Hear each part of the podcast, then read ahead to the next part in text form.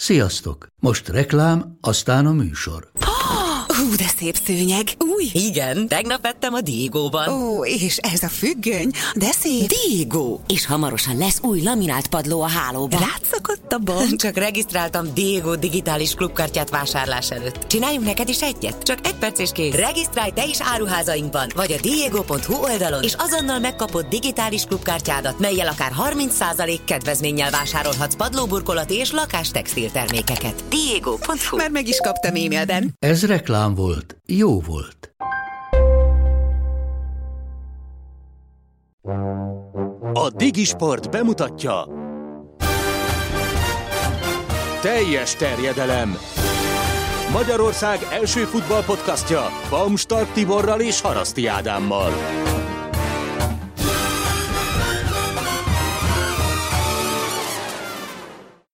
És ezúttal Kele Jánost köszöntjük ebben a szezonban már másodszor nagy szeretettel köreinkben. Ezúttal is lesz kérdés, és ezúttal is lesz az a játék, amit már megszokhattatok az előző két adásban. Most az elején fogunk ezzel foglalkozni, mert amolyan felütésnek, meg kiinduló pontnak szántam, de a kérdést azt persze nem úszátok meg. Az pedig úgy hangzik, hogy az öt legerősebb európai bajnokságból hányban van hazai listavezető az assist listán, tehát a gólpasszok listáján.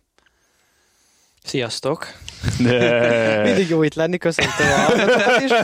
Remek, remek kérdésekkel indulunk megint. Uh, annyiban segítem neked egy kicsit a dolgodat, hogy uh, pont most ért véget a francia összefoglalónak a felvétel, és ezt a Nice Marseille meccsel zártuk, amelyen Dimitri Payet kiosztotta az idei 13. gólpasszát, amivel beérte Neymart a francia gólpassz listán, úgyhogy ez az egy, ez biztos, de a többivel kapcsolatban nem vagyok ennyire képben sajnos. Úgyhogy... Annyit, annyit segítek egyébként, azért is választottam ezt a kérdést, mert érdekes, hogy, hogy ezen a listán a zéllovasok azok, azok szerintem egy kivétellel mind világklasszisok, vagy világsztárok, úgyhogy emiatt is érdekes, hogy, hogy hol vannak hazai játékosok.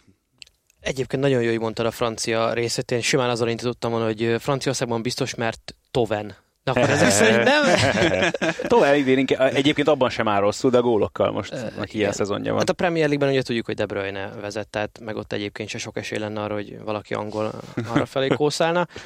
Akkor ez így kettőből egy. A németeknél szerintem tényleg a gyanúperrel ott volt az Augsburgi bal hátvéd nagyon sokáig nagyon jól állt.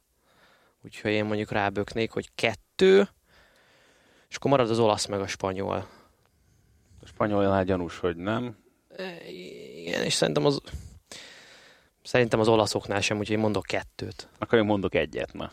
No, van egy tökéletes megfejtés, erről is beszélünk, viszont akkor a lista kérdéssel kezdjük, és nem tudom, Ádi, az előző hetiből akarsz-e esetleg szemezgetni? Hogy akarnék, csak elő kell venni hozzá Addig, ameddig ezt előveszed, addig én elmondom, hogy mire gondoltam ezen a héten.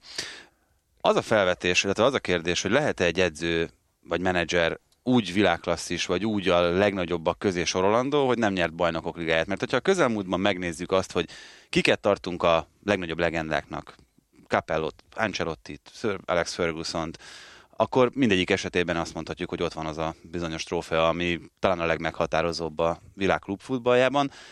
Viszont vannak azért olyanok is, akik elég komoly nyomot hagytak a futballon, de mégsem sikerült ezt a trófeát megszerezni, én nekem itt első körben kettő olyan edző jutott eszembe, és azért is gondoltam innen indítani, akik elődöntőt vívtak egymás ellen most nem is olyan régen az Európa Ligában, ugye Diego Simeone és Arsene Wenger, ők nem tudták megnyerni ezt soha.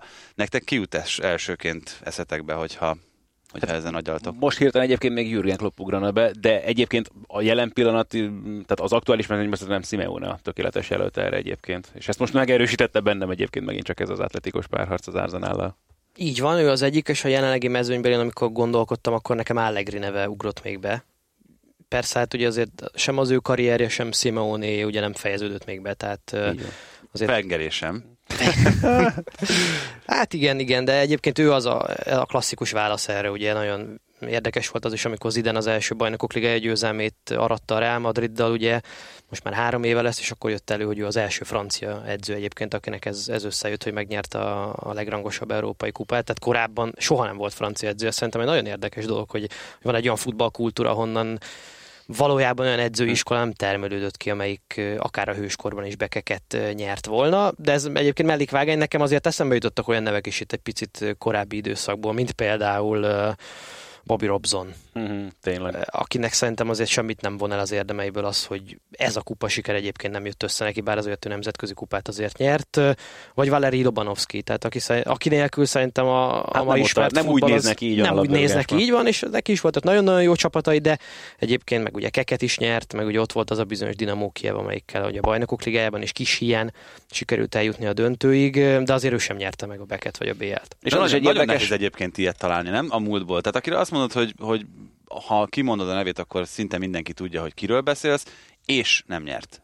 Viszont az is érdekes, hogyha megfordítjuk ezt a dolgot, hogy a legnagyobbak közé kell mindenképpen sorolni olyas valakit, aki mondjuk megnyerte a BL-t, és most hirtelen Di például... Matteo. Ez így van, eszembe például Di Matteo, vagy éppen Rafa Benitez már egy kicsit határeset talán ebből a szempontból, azért annyira nem vegyük el az ő érdemeit, de például nem választotta el ettől olyan nagyon sok Hector Cooper sem annak idején, ugye két döntőt is játszott egymás után vele a Valencia, aztán nagyon másként alakult neki onnan kezdve a pályafutása, lehet, nem tudom mennyiben alakult onnan neki másként az élet, hogyha megnyeri mondjuk valamelyik BL-t akkor a Valenciával.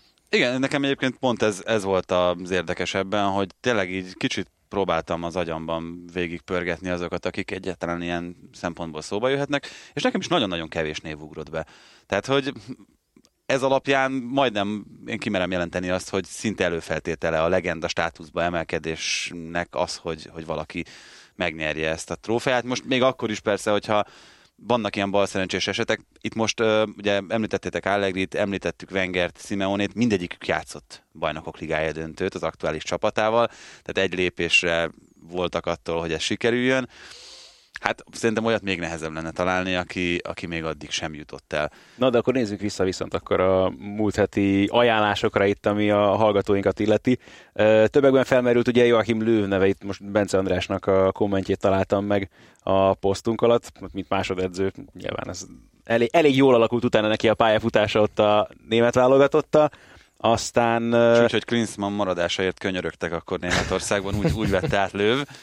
Aztán aki adás közben nem ugrott be, csak adás után beszéltünk már itt magunk közt Rui Fáriáról például, aki hát mint másodedző egészen elképesztő, hogy milyen régóta ott van már azért ő is ugye Mourinhoval, és érdekes, hogy... Másodedzőnek tekintjük a Rui Fariát. E, ezt akartam mondani, mert bennem ő abszolút úgy van meg, ugye, mint erőnléti edző valamiért, és ugye Mourinho-t is kérdezték már többször korábban, hogy ő kitart az ő kvázi tanítványai, vagy az ő kabátjából kibújt edzők közül a legjobbnak, és azt mondta, hogy szerinte Fária lenne a legjobb. Úgyhogy nem tudom, ugye most őt is bedobták például több helyen plegykaként az Arzenálnál, mint lehetséges Wenger utódot, aztán Tito Villanová nem került még nálunk szóba itt az adásban, őt is Horváth László említette meg nekünk itt a legutóbbi adás alatt, és László Ágihoz hasonlóan Horváth Balázs is megemlítette Peter Taylor-t, aki ugye Brian Clough segítője volt. Erről jutott eszembe, hogy a főcímében benne van azt hiszem a Közvetítők című műsorunknak, a The Damn Unitednek egy snitje, úgyhogy nagyon remélem, hogy hamarosan az is sorra fog kerülni, mert szerintem a kedves sportfilmemnek egészen nyugodtan ezt merném nevezni így hirtelenjében, mert egy pár nagyon jót már itt mi kiveséztünk itt az utóbbi hetekben, de azt nagyon szeretem azt a filmet. Meg ezt egyébként nagyon jó ütemben kérdezted ezt a másodedzős történetet is, hogy akkor Búvácsot bedobták a, az Arzenál lehetséges menedzser jelöltjeként, meg, meg ugye Fária is felmerült, úgyhogy tényleg ezen most érdemes volt ezen a héten egy kicsit elgondolkodni. Mondjuk én azért nagyon-nagyon meglepődnék Buvácson, én kérdezgettem is ebben az ügyben, meg úgy kicsit utána olvasgatott az ember, valahogy mindig az jött le Buvácsról, hogy egy nagyon nagy koponya, egy nagyon nagy szervező zseni ott Klopp mögött, akár abban is, hogy becsatornázza azt a hihetetlen mennyiségű energiát, ami abban az emberben van, meg azt a pulzálást, amit ő folyamatosan végez, de azért tudjuk, hogy az ilyen emberek nagyon könnyen elaprózzák magukat. Buhács meg volt az, aki ezt, aki ezt be tudta csatornázni egy jó helyre, ugye az edzéseken ő volt az, aki ilyen, ha nem is pinyő módra, de ott a tolódást rángatta, meg aki kifejezetten foglalkozott a taktikai finomságoknak az oktatásával. De egyébként nagyon érdekes, többen mondták, hogy, hogy minden egyes mérkőzésen a csere hogy mikor és kiket hozzanak le és becsereg, az mindig Buvácsnak a feladata volt, mert hogy Klopp egészen mással volt elfoglalva a mérkőzések alatt. Viszont cserébe nem nagyon kommunikált a játékosokkal, tehát nem nagyon beszélt senki hogy neki hüde milyen viszonya van a Buváccsal. Ő abszolút egy ilyen itt Benítez értelemben véve vett ilyen megszállottnak tűnik, akinek ugye Beníteznek szintén az az egyik legnagyobb hátránya, hogy a játékosok nyelvén nem annyira tud kommunikálni, vagy nem mindig De... biztos, hogy jól érzi ezeket, meg hát hogy angolul sem nagyon tud Búvács, legalábbis nekem az jött vissza sok forrásból. Igen, de ez Kloppnál sem annyira egyértelmű, hogy ő a játékosok lelkét nagyon ápolgatná, nem? Vagy... Hmm, nem tudom, hogy mindig az olyan a meccs végi reakciók például, vagy a cseréknél, amikor agyon ölelgeti a játékos. Az nekem rendben az van, jön de hát hogy... amit, amit uh, olvasunk, hallunk egyébként néhány kiszivárgott pegykából az öltözőből, az alapján nekem nem tűnik úgy, hogy ő most akkor rendszeres kapcsolatot tartana fenn a játékosokkal, és, és Ebből a szempontból szerintem ez túl van egy picit dimenzionálva. A korai José mourinho mindenki azt mondta, hogy hát ő a játékosok kedvenc, és minden játékos a tűzbe ment volna érte. Ugye nagyon sokáig nem emlékeztünk, vagy nem tudtunk olyan játékost mondani, aki, aki vele kifejezetten szembe ment volna, vagy, vagy rosszat nyilatkozott volna utólag, de John Terry is mesélt egyébként többször, hogy nem egyszer előfordult az, hogy megsérült egy mérkőzés, meg le kell cserélni, vagy a meccs után ment be az orvoshoz, hogy gyúrja az orvos, José Mourinho belép a szobába, rá sem néz John Terryre, és az orvos elkezd beszélni, na mi van, tud játszani, bírja? És, na, és ezt többen mondták utána, hogy Mourinho például úgy elhozza, hogy aki megsérült, vagy nem játékra képes, azzal ő, azt ő nem veszi tudomásul, hiszen hiszen megsérült az a szemét. Hát nem tudom használni. Szóval nyilván most picit eltúlzom, de hogy ezek, ezek nagyon érdekes dolgok, hogy ki, ki hogyan kezeli ezeket.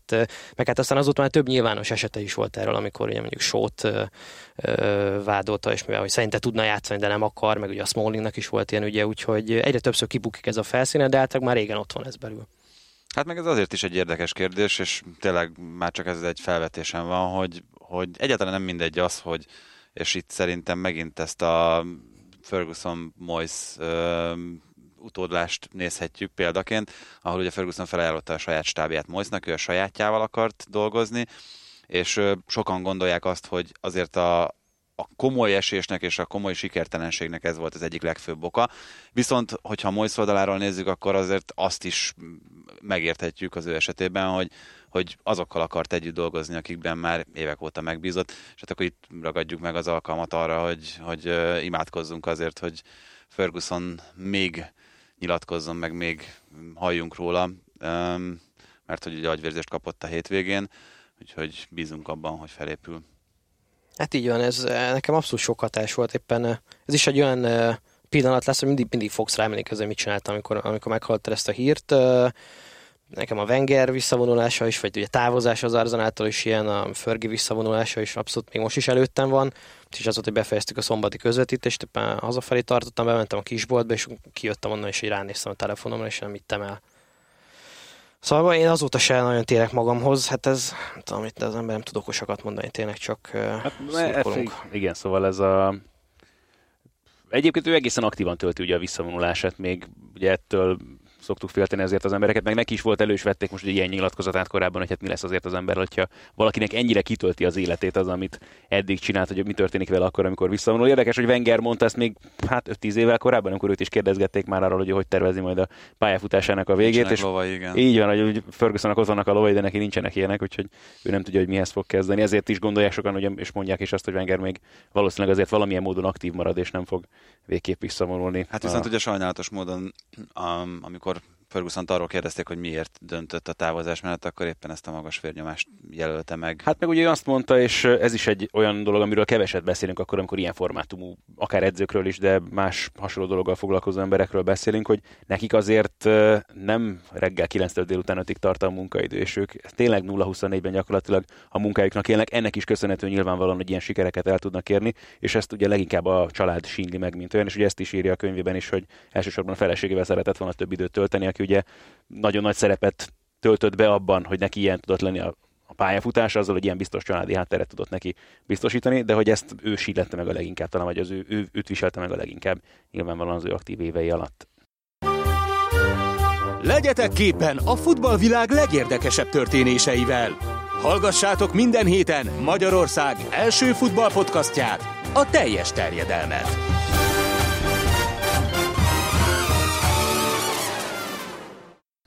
Na, de akkor nézzük az előző hét futballeseményeit. Um, ha már itt Wenger meg Simeone szóba került, akkor én velük kezdenék. Volt-e más esélye szerinted Jani Wengernek ezen a meccsen? Mert ez nagyon azt szerint a forgatókönyv szerint zajlott ez a visszavágó, ami egyébként várható volt, de kellett volna-e másképp csinálni valamit az Arzenálnak? Én már azért nagyon régen nem hiszek abban, hogy az Arzenál vagy Wenger ezt tudná másképp csinálni, vagy egyáltalán gondolkodik olyan, hogy másképp kellene csinálni. Ez az, az utolsó öt év, amiről most nem annyira beszélünk éppen a, a távozása okán, meg szerintem most tényleg én is azt mondtam, hogy annak van itt az ideje, hogy az ő helyét és szerepét a Premier League-ben, meg az angol futballban most akkor kijelöljük és húzzuk alá piros vonal, mert az nagyon fontos volt, beszéltünk eleget a, a bukásokról az, el, az elmúlt években, de ez a párharc azért mégiscsak olyan klasszikus utóbbi 3-4-5 év Arsenalként került elbukásra. Igen, igen, igen, azért mondom ezt az öt évet, mert ugye kb. öt éve azért vannak olyan játékosai, aki elvileg talán tudhatna többet is, de hát például a mesütőzéről is megint kiderült, hogy azért a, a vezérszerep az nagyon-nagyon Hú, nem neki Martin Kio megint mennyire beletalált azért. Jó, tehát ő is azért egy kicsit néha túlzásokba esik szerintem akkor, amikor Özil tekézi, de azért most megint ez a szöveg, és ez mennyire ült, hogy már ezelőtt a meccs előtt is, hogyan tényleg Özil nem tudom, eldugta Wenger gyakorlatilag a bajnoki meccseken, és akkor megint már a meccs után egyből azt mondta, hogy nézzétek meg, majd hétvégén megint majd betegséggel küzdik valamiért, csak nem lesz ott a keretben, és há, nézzenek oda. Jó, nem, mint hogyha bármennyire fontos lett volna végül is ez a Burnley elleni meccs, itt leszámítva azt, hogy Wengertől búcsúzkodott mindenki az Emirates-ben. De nem csak Özil, tehát szerintem itt azért sok-sok játékos ez is egy érdekes, én azt, hisz, azt hiszem a Twitteren azt írtam, hogy cserben hagyták Wengert, vagy legalábbis valami ilyesmit írtam, mert azért tényleg, hogy még öt beadásból ötöt lövök ki a lelátóra. Vagy bele az előttem álló védőbe. Bele, tehát, yeah. Igen, szóval azért, és nem azért, mert ezt nem akarták eléggé, vagy nem, nem tették oda magukat. Nyilván nem, lehet, hogy pont a túl görcsös akarás miatt történt ez, de tényleg azért elég furcsa, hogy a szezon abszolút legfontosabb meccsén legalább három-négy ember katasztrofális teljesítményt villantott, de tényleg ilyen szégyen teljes teljesítményt villantott. Hát, de az Atletikóval kapcsolatban is mindig az jut eszébe az embernek, hogy ez valahogy mindig ellenük jön ki, hogy, hogy a kulcsemberek valahogy ellenük betliznek olyan sokszor, ez ö, fakad azért a csapatnak a játékából is, tehát hogy ami szerintem egészen bámulatos volt az Atletikóban ezen a meccsen, az az, hogy olyan pillanatokban váltott át letámadásra az Atletikó, amikor a legkevésbé volt az indokolt egy kívülálló szemével nézve, és ezzel sikerült megfojtani még azt a fajta dinamikát, meg azt a fajta lendületet, amit esetleg elkaphatott volna az Arsenal, hogyha ott, ott egy 5-6 jó percet produkál. Egy ilyen nagyon, nagyon ritmustalan meccs alakult ki ettől. És ez egy nagyon érdekes dolog, itt több minden is eszembe jut, és ezt majd akár itt a Liverpool kapcsolatban is felvetetjük. Ugye én is megosztottam, de többeknél másoknál is láttam a Twitteren ezt a bizonyos Simon Cooper féle cikket, ami erről a ugye Stormingnak nevezi ezt a fajta trendet, ami beindult, és ez tökéletesen illik erre is, amit te is mondasz. Ez a kicsit hasonlít az intervallum edzéshez, hogy mikor nyomjuk meg egy kicsit jobban az ellenfelet, és mikor ülünk egy kicsit vissza, akár a saját kapunk elé is. Ez az egyik ilyen dolog, ami felmerül ezzel kapcsolatban. A másik viszont, erről meg ugye Michael Cox írt alias Zonal Marking, így azért szerintem még mindig többen ismerik őt, hogy azért veszett ki gyakorlatilag a minőségi védekezés az európai csúcsfutballból, mert egész egyszerűen nem trendi, mert nem lehet eladni a szurkolóknak, mert a brandednek nem tesz jót, és ez az, amire az Atletico Madridnál Simeone aztán hát most éppenséggel a VIP páholyból köpött, és tökéletesen működik is, és nyilvánvalóan azért az eredmények őt igazolják ebből a szempontból is, és tényleg nagyon érdekes, hogy tehát az él, tehát pláne ez a mostani szezon tökéletes példa erre a bajnokok ligájának itt a gózáporos elődöntőit is megnézve, hogy a legjobb csapatok azért a komoly, masszív, jól működő védekezésre nem igazán adnak, vagy Hát ezt két csapat vállalja föl az európai topfutballban, az Atletico Madrid és a Juventus szerintem. Tehát, hogy senki más. És ö, senki más nem is bízhat, én azt hiszem annyira a védőiben, hogy ö, rájuk hagyja a labdaszerzést. Nem, nem is biztos, hogy költenek rájuk, vagy nem tudom. Ez, hát... ez egy nagyon érdekes kérdés. Rengeteget gondolkodom rajta. Nem biztos, hogy, hogy biztos, hogy nincs erre például jó válasz, de, de az, az tuti biztos, hogy, hogy most egy olyan ciklus van megint a fociban, ezzel a visszatámadással, ellentámadással, gyakorlatilag szinte, ja, Ádi, te nem, meg mind a ketten szeretitek a jégkorongot. Picit tényleg arra hasonlít, hogy mintha csak transition fázisok lennének a játékban. Mm-hmm. A hukiban is mindig abból születik a legtöbb gól, amikor rendezetlen védelemre, gyors korongszerzésből ráviszik, és akkor lendületből kell védekezni, vagy kéz. De nekem kicsit olyan volt ez az idei szezon, hogy mint hogyha felbromlott volna a játék, csak és kizárólag transition fázisokra. Visszafelé is, meg előrefelé is. Na és akkor persze ilyen, ilyenkor jön elő, hogy ilyenkor lehet karikázgatni a védőket, hogy megvan a négy védő. Ja, persze, csak hogyha sprintelni kell hátrafelé, visszafelé, akkor tök nyolc, hogy meg vagyunk, vagy hányan vagyunk. Első De igen, és ez egyébként át is, és... át is mozdulhatunk majd arra, mert uh, innen akkor könnyű lesz majd, majd Angliába kitérni, tehát hogy hogy a Liverpool Rómán is én azt hiszem, hogy pontosan ez volt a probléma. Létszámban mindig megvoltak a Róma védői az első meccsen is. Tehát soha nem azt láttad, hogy, hogy akkor uh, tudom én, három a kettőben vezették volna a labdát a, a Róma védelmére, hanem egész egyszerűen, ugye ezt itt pont az előző adásban próbáltam fejtegetni, hogy, hogy itt, itt szerintem ott volt a hiba a Róma játékában, hogy Mánalász is vonalban akart helyezkedni a két mellette játszóval, azt meg Salah ellen nem szabad, úgyhogy... Igen, meg érdekes volt az első meccs nagyon, mert hogyha ott visszaemlékszem az első 20 percre, akkor ott olyan letámadást nyomott a Róma, hogy azért azt tudjuk, hogy a Liverpool az nem a legellenállóbb mondjuk a letámadás, hanem az ő középpályájuk. Tehát ők inkább ők szeretnek letámadni, hogy őket támadják le, akkor az a középpálya azért ott Hendersonnal, Milnerrel, Weinaldummal, még Emre Cannal sem, ott nem fogja kihozni a labdákat, ha jól van megvalósítva az a letámadás, és a Róma nagyon jól valósította meg az első 20 percben, de nem bírtak többet. És szerintem itt mindig kiütközik, hogy amit ők magas tempó alatt értenek Olaszországban, vagy ami Olaszországban elég rohanós csapatnak, vagy letámadós csapatnak, az a Liverpool elnök ilyennek a műfajnak szerintem a koronázatlan királya, az ellen 20 percig volt elég. És itt ugye elég lemaradni 20 centiket, meg, meg fél métereket, már nem érsz oda, már éppen nincsen nyomás a labdán, és hogyha itt egy pillanatra nincsen nyomás a labdás játékos, miközben 30-40 50 méterre föl tovább bóklászik a védelem, akkor főleg Salah ellen az öngyilkosság, és utána abból tényleg kaphattak volna 5-6-7-8 gólt is a végén. Azt nem értettem egy picit, hogy amikor, amikor már látványosan nem működött ez, tehát már nem ért oda Kolarov sem, már nem ért oda Jacko sem, Nine Golem már folyamatosan úton volt jobbra-balra visszafelé, hogy akkor miért nem állt vissza egy picit Di Francesco arra, hogy jó, akkor most a labda mögé az embereket. De nyilván akik meg jobban ismerik a Róma játékát, nálam például Tetibi, ők meg azt mondják, hogy hát egész szezonban nem játszották ezt. Igen, tehát hogy... Nincs ez bennük, hogy ezt meg tudják csinálni. Pontosan ez, amit, amiről beszéltünk, hogy, hogy nekik is az a futballjuk, hogy a középpályán akarnak, vagy a letámadásból akarnak labdát szerezni. Nem arra van összerakva, nem arra van beállítva ez a csapat. Nekem egyébként itt a második meccsen a 60. és a 70. perc között volt körülbelül egy olyan 10, de lehet, hogy inkább 15 perces periódus, amikor szerintem egészen szemkápráztatóan játszott a Róma, és nem tudtam magamban sem megfejteni azt, hogy, hogy annak a, annak a különbségnek, ami akkor a két csapat között volt, annak mi az oka. Hogy esetleg ott a Liverpool fáradt volna el, mentálisan engedték el, mert azt mondták, hogy most már ez az előny, ez, ez elég. A Róma, én nem éreztem azt, hogy nagyon sokat változtatott volna az addigi játékán, tehát akkor játszotta tökéletesen azt a futballt, amit egyébként, amire ez a Róma ki van találva, csúnyán megfogalmazva magyarul.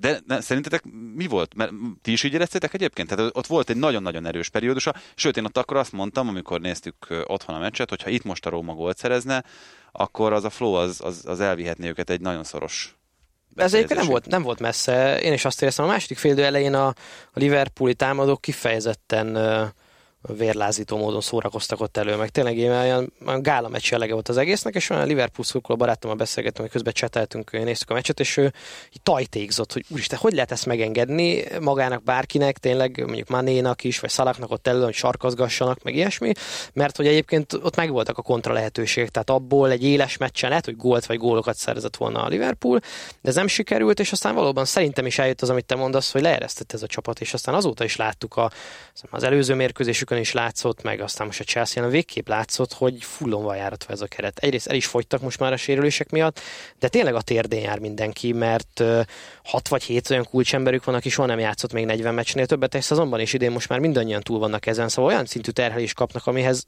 eddig nem voltak hozzászokva, és azért attól nagyon messze van ez a keret, hogy, hogy készségszinten játszon labda ellen. Ugye tavaly mi nagyon sokat nevettünk ezen, hogy a Liverpool nem tud a labda ellen játszani, tehát hogyha ők vezetnek három gól és visszaállnak, hát kapni fognak három gólt, mert fogalmuk sincs, hogy mit kell csinálni.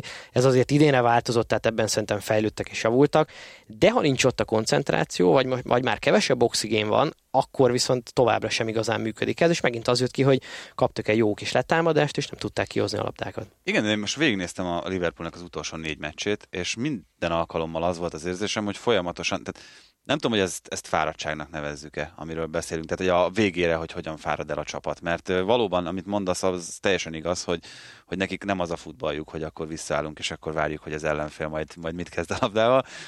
De, de az, hogy az, hogy helyenként ez a 60 65 percben következik be, az megengedhetetlen, még akkor is, hogyha egyébként zseniális dolgokat vitt véghez az a Liverpool ebben a szezonban, de például pont itt a hétvégén Saletszal beszéltünk arról, hogy ha ez a Real Madrid elleni döntőben következik be, akkor hogyha ott mínusz egyen van a, a Real Madrid, mondjuk fél órával a vége előtt, akkor onnantól kezdve a Madrid az esélyes. És ha így nézzük, nem? Tehát, hogy... Egyrészt meg, meg az, hogy tényleg, hogy azért azt látod, hogy Zidane azért rá tud cserélni ezekre a szituációkra még ebben a helyzetben, és azért már produkált néhány ilyen sztorit az idei szezonban is. A másik meg, hogy a Liverpoolnál viszont nem nagyon érzed azt, hogy meg lenne az a mélység a padról, hogy ezekben a dolgokon tudna még Klopp változtatni, és tényleg kicsit most... Hát vagy Buvács nem mondja, hogy kit kell becserélni. Az is lett, de másik dolog, ami meglátszik, hogy azért Klopp is egy kicsit félretette egy azért a Premier League meccseket az utóbbi hetekben, amióta ráharaptak arra, hogy itt a bajnokok ligájában még akármi is lehet. Tehát ők is érzik azt, hogy ezért ez így ebben a formában kevés, és azért az igazán nagy duránás nyilván a Liverpoolnak az lenne, hogyha meg lehetne ezt a BL döntőt nyerni.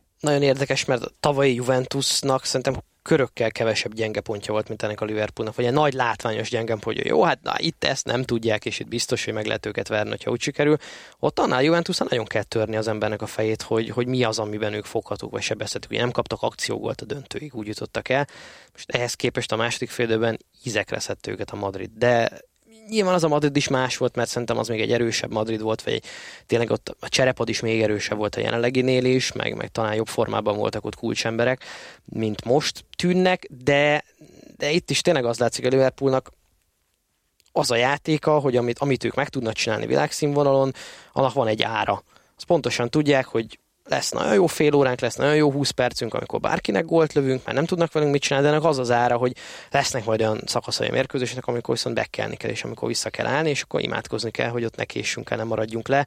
És Klopp mindig ezt húzza, mert neki ez a lényeg, ez, ő ebben hisz, nem tud, nem tud egyszerűen pragmatikusan gondolkodni. Ez nagyon érdekesen kijött, amikor a Premier League mérkőzéseken például José Mourinho ellen kellett játszania, és ilyenekről beszélgettünk ott is a szünetben, hogy ott van Virgil van Dijk, és akkor miért nem húz meg egy olyat a Klopp, hogy nyilván Lukaku mindig Lovrennel kereste a, a fejpárbajt, meg is verte kétszer, kaptak is belőle két gólt, hogy miért nem cseréli meg akkor a két védőjét Jürgen Klopp nem szól be, hogy akkor, vagy Buvács miért nem szól be, hogy ők cseréljenek helyet. Buvács miért nem szól Kloppnak, hogy szóljon be. Igen, szóval hogy ez miért nem történik meg, és azt a választ kaptuk, meg erről egyébként írtak Angliában is szakírók, hogy, hogy azért meg Klopp olyan szinte megveti ezt a fajta futballt például, és amikor, amikor a West Brom ellen volt az a kettő-kettő, és lenyilatkozta, hogy na jó, de hát helyzetük Igen. sem volt csak pontrugásból, mint hogyha ez valamilyen megvetendő, ilyen lenézendő része lenne a játéknak. És hát nem... erre felépítette az életét gyakorlatilag. Igen. és nem, nem hajlandó ezzel foglalkozni. Hogy Csank János kérdezzük meg erről, kérem szépen. Igen, és tehát ö, még visszatérve ehhez a, ehhez a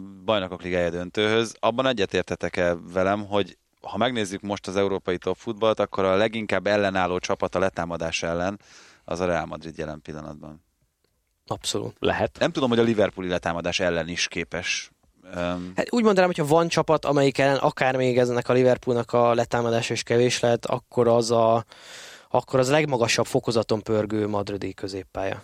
Az biztos. Igen, tehát Kroos, Modric, gyakorlatilag, mint De hogyha... Casemiro is egyébként. Igen. Ő is le, lefordul ezekről, tehát uh, fájó ezt elismerni, de ő is egy nagyon jó játékos. Hát meg tehát ebben az a, az a bámulatos szerintem, hogy bármilyen közel kerülsz ezekhez az emberekhez, nem fogják úgy érezni, hogy hú, most mit, mit, kezdjek ezzel a labdával, hova passzoljak.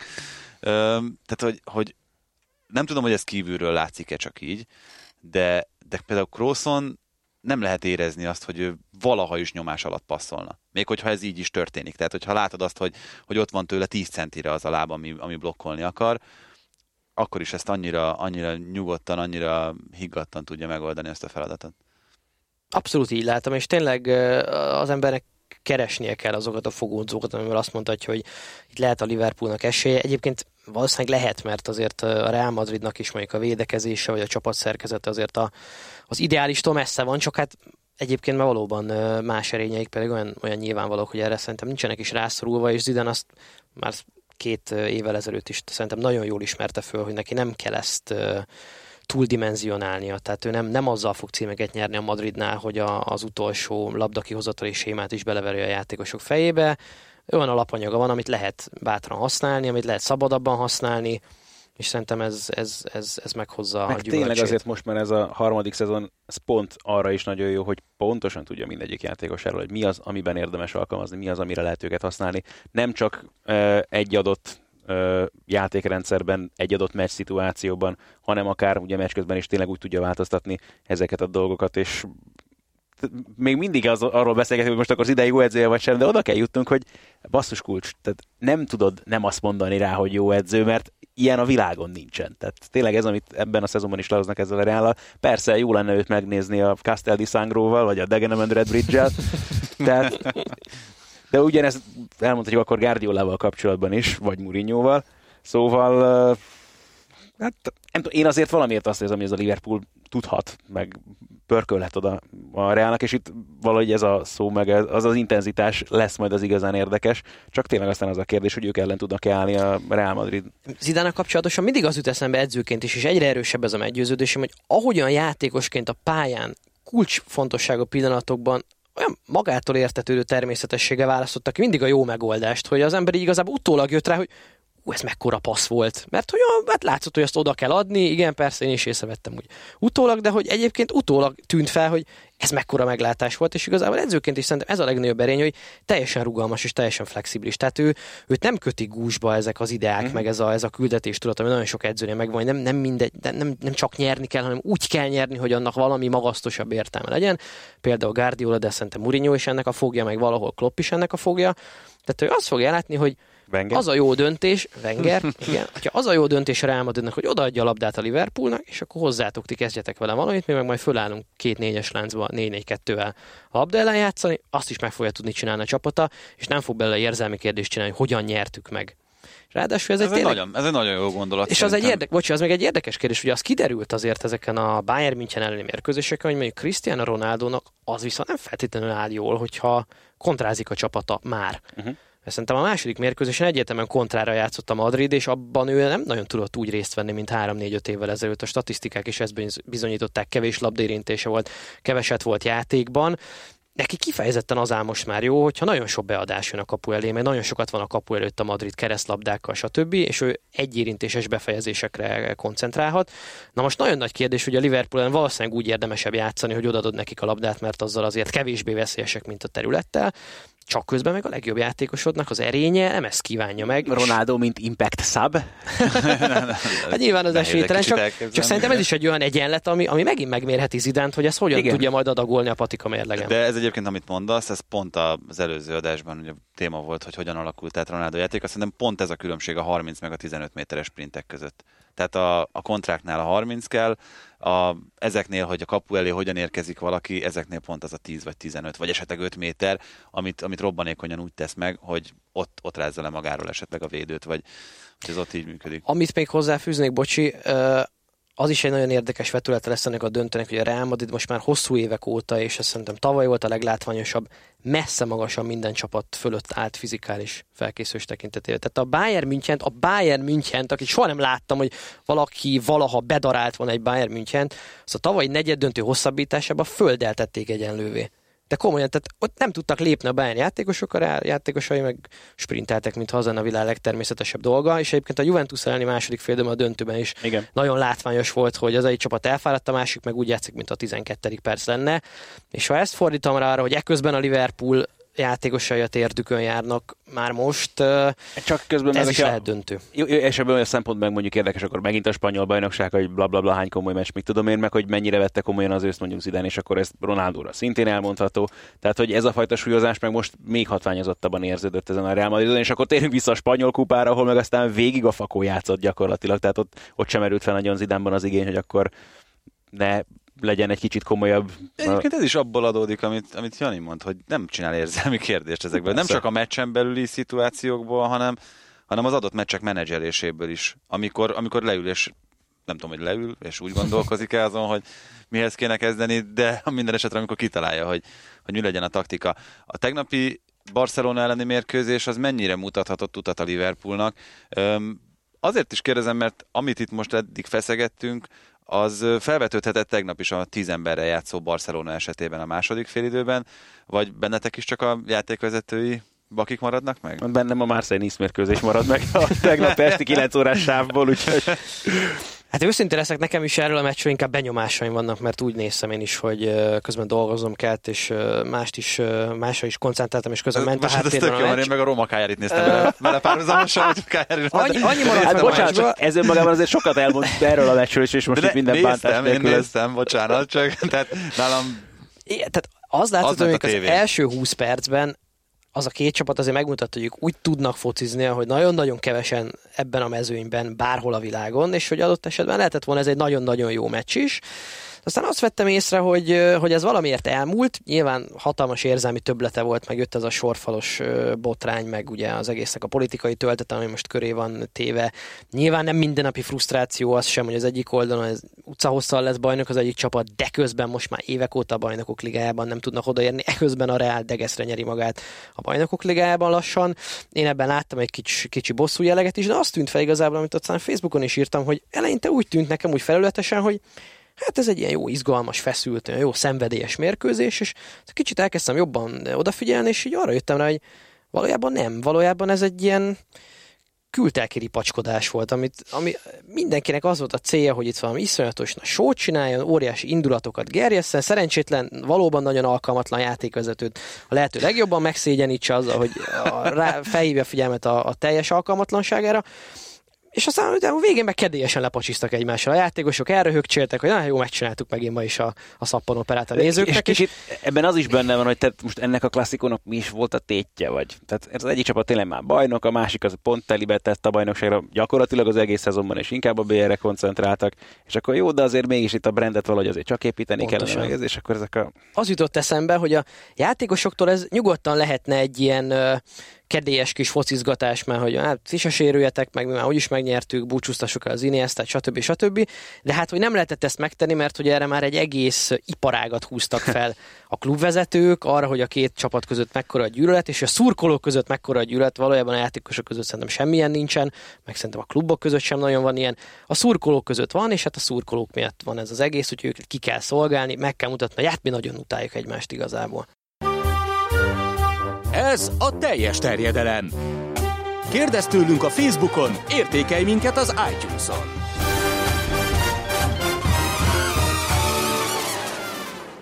A hétvégén Saleccal dolgoztam együtt, úgyhogy ilyenkor mindig egy ilyen elég vitás hétvégén van, ugye állandóan beszélünk arról, hogy merre, merre, merre, megy a foci, meg hogy, meg hogy szerintem mi, a, mi az üdvözítő, és az nagyon messze van attól, mint amit én üdvözítőnek tartok, és ő pont ezt mondta, amit, amit most itt te az, az El Clasico kapcsán éreztél, hogy ebbe a show irányába ö, megy mindenhol a futball. Tehát az egyéni teljesítmények, az, hogy, hogy, hogy, hogy legyenek olyan emlékezetes momentumok a meccsen, amit, amit aztán utána emlegetnek a meccsen. Hát, az és emberek. akkor itt köthetünk vissza arra is, amit említettem, ugye Michael Cox gondolatával, hogy tehát nem trendi és nem brandépítő keményen a hátunkat a kapufának dörgölve védekezni, mert Hát, fi- igen, de Hát most igen, hogy a védekezés mindig arról szól, hogy valamit akadályozzunk meg, hogy megtörténjen. Ugye ez a statisztikai elemzéseknek is mindig érdekes, hogy hogy jó védő, aki sokat szerel. Hát ugye aki jó védőnek nem kell szerelni, mert ugye megakadályozza, hogy olyan helyzetbe kerüljenek. Ugye ezt egyébként akár éppen Ferguson is megtapasztalta a saját bőrén, mikor, mikor rosszul döntött emiatt. Na, hogy ezt nagyon nehéz mérni, és valójában a csapatstratégia is ez, hogy hát akadályozzuk meg, hogy nagy látványos dolgok történjenek a mérkőzésen, minél unalmasabb, minél jobb, ne, vagy minél unalmasabb mérkőzés, nekünk annál jobb. Simeone Atletico Madridja, de egyébként Sam is nyilatkozott idén olyat, hogy nem elég unalmas az Everton. Hát szerintem pont elég unalmas az Everton, de mindegy.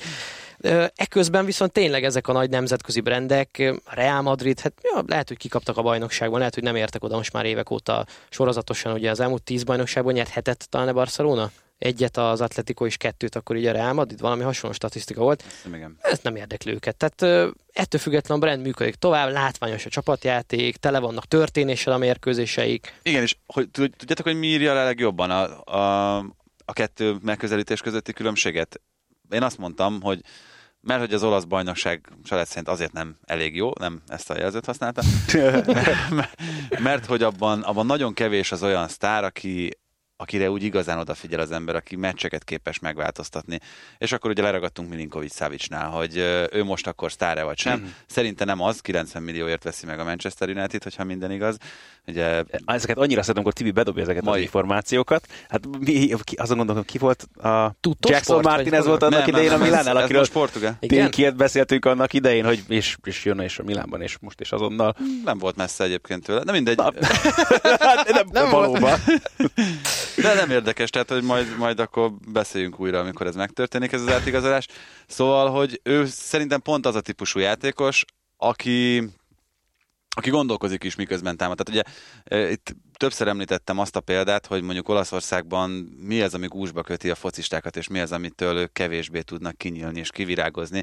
Láss például Dybala esetét, szerintem ő, ő tökéletes példa erre. Csáhánolú mondta azt, amikor a Milánhoz igazolt, hogy ő azért nem tudott eleinte focizni, mert egyszerűen nem tud úgy támadni, hogy közben neki már azon kell gondolkozni, hogy ha esetleg elveszíti a labdát, akkor majd hova mozogjon vissza. És uh, szerintem erre, erre egyébként ezt például Pogba nagyon jól csinálta Olaszországban, nem feltétlenül ezt várta el tőle Mourinho az első pillanattól kezdve Angliában, és ebben nagyon jó Milinkovic Savic is. Amitől az én szememben ő több, mint, mint egy olyan játékos, aki kizárólag minden pillanatban csak azon töpreng, hogy, hogy támadásban mit kellene tennie. Ö, ettől persze elismerem Szalá zsenialitását, meg Azárnak a, a fantasztikus képességeit, de nálam Milinkovic Savic az majdnem, majdnem ugyanez a szint. Ez egy hit, hitvita szerintem, és nem mondom például azt, hogy nem ez lesz a következő évtizedeknek a meghatározó vitája egyébként a futballal kapcsolatosan, hogy lesznek emberek, akik erre egy csapatjátékként tekintenek, meg ezzel párhuzamosan szerintem egy sportként tekintenek, amelyet csapatok nyernek meg, vagy éppen veszítenek el nagy mérkőzéseket. De hát ez, ez nem különbség még ez a kettő. Igen, vagy, és lesznek, akik azt gondolják, hogy nem, ez egy szórakoztatóipari termék, ahol hatalmas nagy sztárok adnak koncerteket. Tudjátok, hogy mi az igazán nagy baj ezzel az egész dologgal kapcsolatban? Az, hogy azt érzem, hogy a FIFA is bőven ebbe az irányba tart már. És amikor arról beszélünk, hogy itt most Infantino kitalálták, hogy akkor két évente rendezünk mi nyolc csapatos izé, pre-világbajnokságot, amit mit De... tudom én, milyen dollár, milyen milliárdokat öntenek majd bele, és akkor most itt fikázzatok az olasz focit, de milyen nagy baj ez? Hát akkor milyen nagy baj? Hát akkor, akkor legyen só a foci, hogyha, hogyha nem a csapatjáték. Én, meg én a... arra akartam továbbvinni ezt a gondolatmenetet, hogy eközben viszont, pontosan azért, mert ez közben egy iparággá fejlődött, és a játékosokból tömegtermelés van. Tehát van egy iparág, amely arra állt rá, hogy játékosokat termel a nemzetközi futballpiacnak.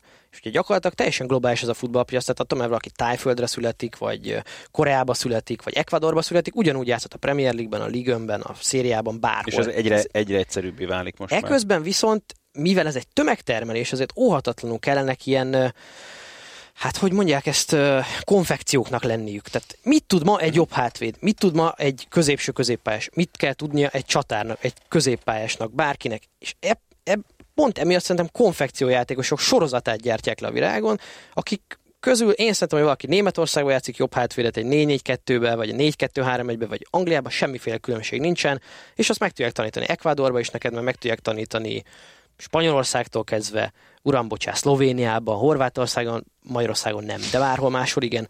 Szóval, hogy miközben sót akarnak ebből csinálni, a közben egyre kevesebb artistánk van. Igen, de az nem létezik, vagy ez nem jöhet össze ilyenkor, hogy egy, egy konfekció mondjuk annyira jól sikerül, hogy azt, ö, azt lehet, hogy olcsóbban veszed meg, mint a designer terméket, de, de ér ugyanannyit. Nem csak a te szemedben, hanem, hanem hogyha mondjuk a hatásosságát, meg a, meg a hatásfokát nézzük, akár brandépítésben. Tehát most itt ezt is ez egy jó kérdés, meg ugye napestig el lehetne vitatkozgatni arra, hogy ki a konfekció és ki nem. Szerintem azért az, az valahol nem véletlen, hogy a 15 évvel ezelőtti, vagy 20 évvel ezelőtti állapotokhoz képest nyomasztóan sokkal több a jó és klasszis, és ilyen improvizatív, vagy ilyen, ilyen igazán finom klasszis Dél-Amerikából, meg a mediterrán országokból, ahol ez, amit én mondtam, hogy konfekció és iparág és termelés, az még azért nem ment át a köztudatba, vagy nem feltétlenül teljesen ennek mentén működnek miközben mondjuk az északi országokban, Hollandiában, Skandináv országokban, Angliában ez egészen másképp alakul. Szerintem a Premier League válságának is az az egyik oka, hogy nagyon kevés jó északi játékos van, akik azért korábban oda mentek. Most már azért ott is Franciaországból, Spanyolországból kell, kell vinni a játékosokat de szerintem azért halad ez a dolog, és, és, és alakul majd. Wenger panaszkodott talán jó pár évvel ezelőtt arra, hogy... Kiveszett középcsatárok. Igen, tehát hogy nincsenek, és hogy főleg európai jó középcsatárok nincsenek. Akik jók, azok ugye Cavani, Suarez, ők azért Dél-Amerikából jönnek, és picit még erre rácsatlakozva, nem közvetlenül kapcsolódik ez, hogy a brazil uh, tehetség uh, export hogyan alakul, és uh, nekünk a műsorunkban volt benne, egy keddi magazin műsorunkban volt benne a Felipe Mátos, aki mm. most az Alegerszeg edző, és vele beszélgettünk. Már igen, igen. igen. a Brazil sporton többször igen náluk is. És hogy ő, ő vele beszélgettem erről, és mondta, hogy Brazíliában az van, hogy rájöttek, hogy a Premier League-ben van a legnagyobb pénz, az angol fociban van a legnagyobb pénz, azért olyan játékosokat képeznek, akiket oda lehet eladni. És például ott van Gabriel Jesus, tökéletesen ez a típusú játékos, erre a piacra készült. Richard Lisson, aztán majd lehet, hogy a Viktor visszahallgatja, majd vitatkozik velem, de ugye nem is a saját nevembe beszélek. De Richarlison tökéletesen ez a típusú játékos. Nem az a régi vágású brazil irányító, az a fineszes játékos. Paulinho sem az már. Erős, nem lehet elnyomni, jól fejel, mind a két lába Pedig ő egy, egy generációval korábbi. Abszolút, termék. abszolút. És hogy, hogy ez ott, ott teljesen tudatosan megy, és, és ebből a szempontból szerintem a brazilok már mondjuk picit előrébb járnak, mint a többi dél-amerikai ország ebből a szempontból, hogy ők már, ők, ők már álltak erre a tömegtermelésre. Viszont az is megvan, hogy nyilván ez mondjuk a brazil focinak a legteteje, meg a, a tényleg az igazi krémje, de közben meg, tehát egyszerűen akkora ott a felhozattal, és annyi mindenből lehet válogatni, hogy bőven jutnak azért még ott a, ha kvázi úgy tetszik a renitensekből is, akikből aztán ki tud alakulni az is, aki nem feltétlenül a sémának megfelelő, hanem abból kitüremkedő típust testesíti meg. Mi minden maradt még ki a közvetítésekből? Azonnal megtudhatjátok, a teljes terjedelem már is folytatódik.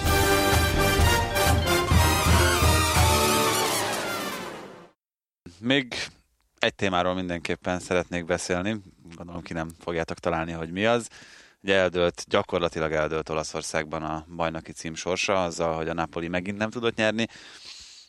Öm, talán a legérdekesebb hétvégi esemény az olasz futballban az De Laurentiis nyilatkozat sorozata volt, és öm, én azt mondom, hogy ezt nem így kell intézni, tehát hogy a, a, a felől semmi kétség nincs. Mégis azért mondott olyan dolgokat a, az elnök tulajdonos, amikkel nehéz vitatkozni. Én pont ezt akartam mondani, hogy a, én azt látom, amit te kiszemezgettél ugye ezekből a Facebookon a meccset megelőzően, és ott igazából még csak nem is azt éreztem, hogy nagyon sértő, hanem tény megállapításokat között De Laurentiis, amivel úgy még csak olyan nagyon nem is tudnék vitatkozni, figyelj, az- amennyire én figyelem az eseményeket. Az nem túl etikus dolog, hogy azt mondja, hogy nagy kockázatot vállal az a gazdaklub, amelyik Szárit ö, leigazolja, tehát még hogyha így is gondolja, ez nem biztos, hogy ez, ez a nyilvánosságra tartozik ez a gondolata. Még hogyha tudjuk is, hogy De Laurentiis ezzel viszonylag keveset foglalkozik. Ez olyan mediterrán típusú konfliktuskezelés volt szerintem is, tehát amikor szabadon elmondja mindenki, amit gondol a másikról, és nem zavarja, hogyha sokan hallják, de Egyébként én sem tudom, hogy tud, nagyon tudtam ezzel vitatkozni valóban, és uh, ugye Chelsea-vel kapcsolatosan most már elég sokszor és elég komolyan fölmerült Szárinak a neve. Igen, nagy kockázat lenne El tudod szerintem is. képzelni? Egyébként Szárit a, a, a bagós, Igen, melegítős. ahogy, ahogy neki dől a Stanford Bridge-nek, és Igen, ugye, el Hozzá közben a kis kotyogós mellett. Igen, ugye ebben a szezonban kétszer fordult elő, hogy meccs közben rágyújtott titokban, vagy val- valamilyen módon. Azért a Premier League-ben ezt elképzelni, hogy a Stanford Bridge-en ott a, a kispad mögött blázol, az, azért ez... Hát ez megjelenne szerintem az elcigi nálam, mert érted? Hát, de figyelj, de őt bankárként sem tudom elképzelni. és hát az volt, szóval én föladom. Jó, de egyébként az a vicces, hogy amikor érkezik meg a csapattal, a Napolival, akkor öltönyben van még. Tehát, hogy úgy száll le a, a formaruhában, és ott nem mondom, hogy kifogástalan úriemberként, de, de azért egy, egy olyan jó megjelenésű emberként, és utána simán átveszi lehet. ezt a melegítőt, betűrje Ebben egyébként simán benne lehet az, hogy valószínűleg ott úgy van valamilyen céggel a megállapodás, hogy nekik addig ott kötelező öltönyben megjelenik, amíg ezeken a képeken mutatják, leszállnak a buszról, meg gondolom, nem tudom, biztos van ilyen csapatfotó és stb. Aztán onnantól ez már nem vonatkozik rá Szári, meg hogy belép szerintem, mint Frank Drebin, ugye, a nem tudom, csupasz biztos, hogy hányadik részében, amikor nekiállnak a szex jelenetek, így lerántja magáról egyetlen mozdulattal az ölt, hogy... és lehet, hogy alatta ott van már a melegítő ruha. Ezzel én is gondolkodtam, mert egyébként volt a hétvégén Derem Moore, aki majdnem csodát csinál, vagy hát most szerintem csodát csinál, aztán lehet, hogy ez nem lesz elég a West Bromnál, de ő is azzal nyilatkozott ott már kifogástán, a legújabb divat szerint, ugye hát elég feszes felsőteste van, és feszül rajta az a nyakkendő, a pula, az ing, és majd Az amikor... LS testen az SS ing. Ott egy XL-es test, egy XXL-es test van, és Szóval utána viszont a fekete melegítőbe, és, és úgy, úgy Hát Tony Pulis ugyanez volt egyébként. Tehát őt is a, ott a nyilatkozat fal előtt láttad öltönyben, egyébként meg ott a kis izé, monogramos melegítőben a pálya mellett baseball sapka szemüveg. bár azért még ilyen Bobby Davison-os klotgatját még senki nem láttam, de Hát az Brian Clough volt annak idején. Igen. Zöld melegítő fehér naci. Hát meg a, hogy hívták a Bolton edzőjét? Owen Coyle. Owen Oh, Coyle. Coyle. Na, ő volt a Pont az idei csapatát közvetítettem a hétvégén, nem tudom, hogy megvan-e nektek, a Russ County-nak volt a menedzsere, oh. azt hiszem hat fordulóval ezelőttig, onnan is elküldték az utolsó helyen állnak per pillanatos bajnokságba. Viszont ha már melegít, akkor Neil Warnockot üdvözölhetjük újra a Premier League-ben, szintén van. a műfaj egyik nagy szereplője. Lehet, hogy ezt kellett volna a listának választanunk a legjobb melegítős edzők. Na de visszatérve, visszatérve ehhez, uh, itt nagyon sok minden beugrott Mourinho-val kapcsolatban, Szári öltöző vagy keretkezelési stratégiájában, hogy um, nagyon sokszor azt éreztem nála, hogy nem az a feltétlenül a probléma, hogy nagyon alacsony minőség az, amit mondjuk rogék képviselnek, akik esetleg beszállhattak volna hámsikék helyére, hanem inkább az a probléma, hogy ők mondjuk két havonta, vagy másfél havonta egyszer kapnak 60 percet, ami alatt nyilvánvalóan nem tudnak bizonyítani. Nincsen meg a kellő önbizalmuk hozzá, nincsen meg a kellő játékpercük, rutinjuk hozzá abban a szezonban, és innentől kezdve abban, abban lehet igazság, hogy az azért egy idő után, főleg, hogyha sikertelenséggel párosul, mert most azért persze örülnek Nápolyban, nagyon szépen viselkedtek a szurkolók, nagyon jó lesz az, hogy pontrekorddal fognak végezni a szériában, de itt mindenki a Scudettóra volt kihegyezve, az pedig most már biztos, hogy nem fog összejönni. Tehát, hogy ez sikertelenség valahol, és ez, ez úgy hat az öltözőre is innentől kezdve, hogy, hogy ez azok, akik kezdőjátékosok, meg azok, akik, akik talomban voltak végig, azok között valami fajta ellentét kellően kialakul. És pont, és de erről beszélünk folyamatosan, ilyen két-három hetente felmerül szerintem itt az adásban is az, hogy miért nem használja ki jobban a keretét Mauricio Szári, mert oké, okay, nyilvánvalóan nem ugyanolyan erős ez a keret, mint a Juventusé, persze, de ez igazából nem is nagyon tudott kiderülni az idei szezonban, mert pillanatokra sem kapják meg tényleg ezek a játékosok a lehetőséget a Napoliban, nem? maximalista. Én, én mindig erre jutok, mert uh, szerintem az egész karrierje ezt mutatja a Mauricio sarri hogy egy végtelenül pepecselős ember, nagyon-nagyon maximalista, és semmiféle kompromisszumot nem tűr el például abban a játékban, amit ő kitalált, és amire meg van győződve, hogy tökéletes. És szemedgyönyörködtet, amit a Napoli csinál. Tényleg olyan labdakihozatalaik vannak, amikről üvölt messziről, hogy az mérnöki precizitással megtervezve, és orvérzésig van gyakoroltatva az edzésen, tehát fel se néznek a játékosok belőle. Én készséggel elhiszem, hogy erre nagyon-nagyon kevés játékos képes, hogy ezt egyrészt elviseljen egy ilyen edzésmódszert, hogy ez hosszú távon bírja, másrészt meg tényleg hétről hétre folyamatosan meg is valósítsa a pályán. És ugye picit ilyen kezdő futballmenedzserezőknek a problémáit láttam, és hogy amikor ott is megtalálsz egy csapatot, és így működik, amit kitaláltál, és viszont látod a figurákat, akkor nem vagy hajlandó kicserélni, mert ne nyerjünk kettőn, hanem nyerjünk 5 0 mert ebben, az milyen ebben jó, az, az nagyon jó? érdekes, hogy jó, én meg lehet, hogy aztán ilyen szempontból különleges állatfaj vagyok, bár mindig azt teszem, amikor Bozsik Péterrel voltunk annak idején azon a bizonyos Barca Inter visszavágon, és akkor nagyon sokat beszélgettünk ilyen dolgokról, és hogy például az az Alaegerszeget annak, hogy találták, és ő is azt mondta már, hogy ő nyilván nem 11 játékosban gondolkozott NB1-es edzőként sem, hanem 18-ban alapvetően, mert hogy az kell egy bajnokságnak valóban a, a befejezéséhez, és hogy valamiért bennem a futballmenedzserben is mindig ez volt, hogy én azért szerettem, hogyha úgy felépíteni a keretet a játékban, hogy egy posztra legyen két és fél játékos, ami azt jelenti, hogy ketten azért legalább hasonlóan azt tudják eljátszani, és legyenek olyan futballisták, akik meg ugye több poszton is bevethetőek, és hogy ilyen szükség van, akkor be lehet őket tenni a katyva szituációkban is, és azért ne játszon taknyon minden ember folyamatosan, mert... Hát ez azért egy nagyon érdekes dolog, szerintem. Na de mert... ne futballmenedzserben vagyunk, bocsánat, tanácsokat nyilván Mauricio Szárinak, csak hogy... Nem, csak, csak hogyha Mauricio Szári körülnézett Európában, és tényleg csak a top bajnokságokat nézte, akkor azt láthatta, hogy ez a módszer, hogy 14 futbolistával nyerünk bajnoki címet. Ez, ez a Leicester City-nek megy. Meg, meg, meg, meg a Chelsea-nek, meg a, meg a Barcelonának ne haragudj. Tehát azért a Barcelona is nyert úgy bajnokságot, hogy 14-15 játékossal hozta le a, a bajnoki szezont. Tehát, hogy van erre példa, és van erre több országban is példa, és egyébként például szerintem öm, még a Guardiola előtti időszakban a Bayern München is így nyert bajnokságot. Csak mondjuk, tehát a spanyol bajnokságban azért már ugye megint más helyzet abban a szempontból, hogy milyen kihívást meg fizikai Rendben van, persze, csak azt mondom, azt mondom, hogy ez nem egy lehetetlen, főleg úgy nem lehetetlen. Csak hogyha... Mourinho-nál meg ugye tényleg erről szoktunk mindig beszélni, hogy, hogy gyakorlatilag akkor tényleg ez van, hogy két éven keresztül tényleg csapágyasra hajtja a csapatát, és aztán akkor jönnek a harmadik szezonok, amiből meg... Abszolút Mourinho jutott eszembe, mert a hétvégén nála, vagy vele kapcsolatban pont arról beszélgettünk, hogy Szerintem az ő csapata részben azért nem működik, mert nincs meg az a 14 ember, aki a tűzbe menne érte, és akkor pontosan tudna, hogy bármikor bedobhatja, hanem kísérletezget össze-vissza. Én nem is tudok olyan másik eddigi Mourinho csapatot mondani, aminek így fejből nem mondanám a védelmét, a védő négyesét, hogy Inter, a Real Madridnál ki volt, a Chelsea-nek, stb. És a Unitedban idén a védő négyes, én is bajba vagyok. Mert néha ő, néha aztán most két hónapig a Jones, aztán a Smalling, most néha előkerül akkor a, még a Show is, aztán a Young került oda. Tehát két év alatt nem tudott egy magot összeszedni, és ez szerintem probléma. És egyébként tényleg az ember ezt azt mondja, hogy nem lehet 14-5 játékossal végignyomni egy, egy bajnoki szezont úgy, hogy annak a vége eredményes legyen, de egyébként tényleg azon, hogy az előző két angol bajnokságot ilyen csapat nyerte, ahol semmiféle rotáció nem volt, meg volt az a 11 kezdő, meg mondjuk 3-4, maximum 5 csere, és azt végig darálták a szezont, és szerencséjük volt, mert nem jöttek közbe sérülések, és majd a következő szezon, vagy, sőt, előző három igazad van. Tehát majd aztán a következő szezonban megfizette az árát mindegyik, mert, mert olyan szinte visszaesett a teljesítmény görbeje minden játékosnak, valószínűleg éppen a, a kizsigerelés miatt, de adott esetben abban az évben egy erős mag, amihez nem kellett hozzányúlni, az többet ért, mint, mint az, hogyha rotágazott volna az edző össze-vissza. Ez nagyon érdekes kérdés. Allegri pont ennek a, az ellentétjét csinálja folyamatosan, és ennek is az apostol a lényegében.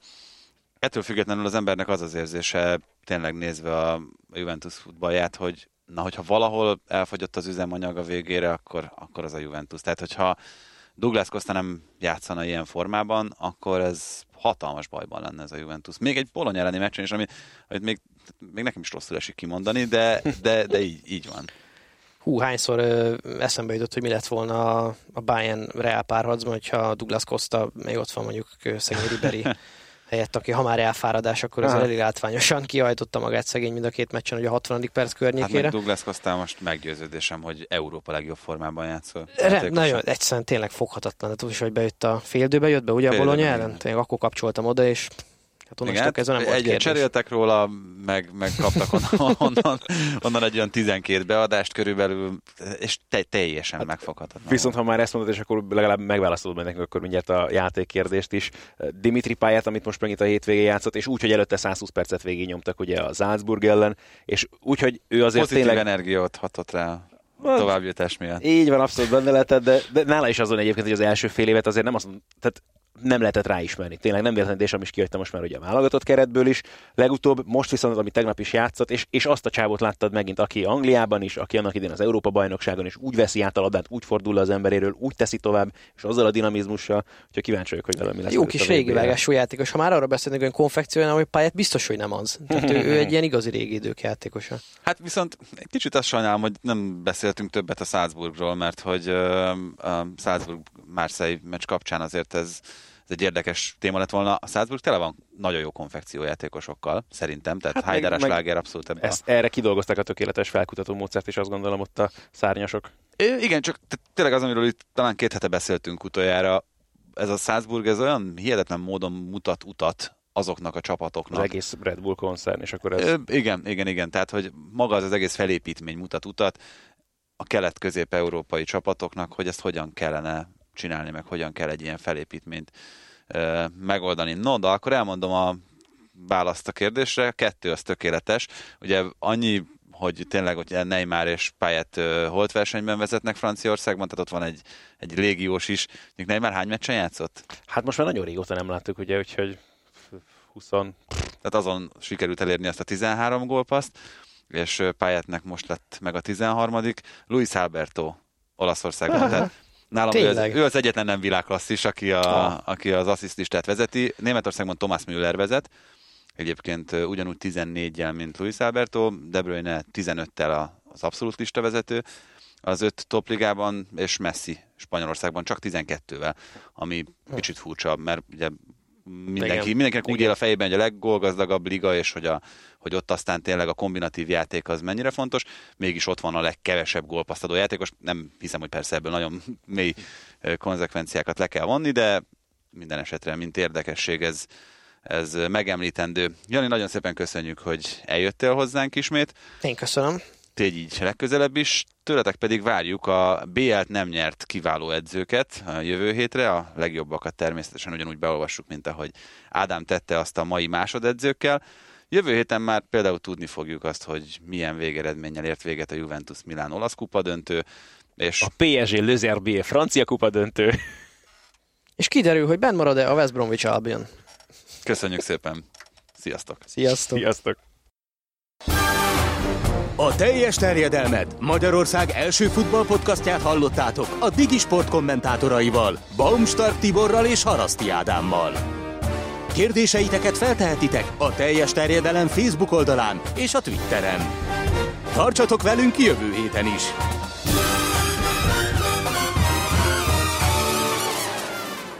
Ha más podcastekre is kíváncsi vagy, hallgassd meg a Béton műsor ajánlóját.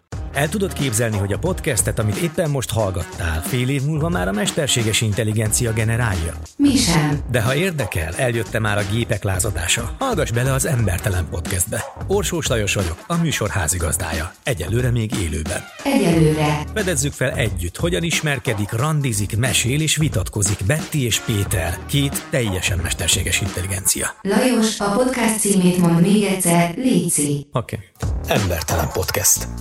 Ez a műsor a Béton közösség tagja.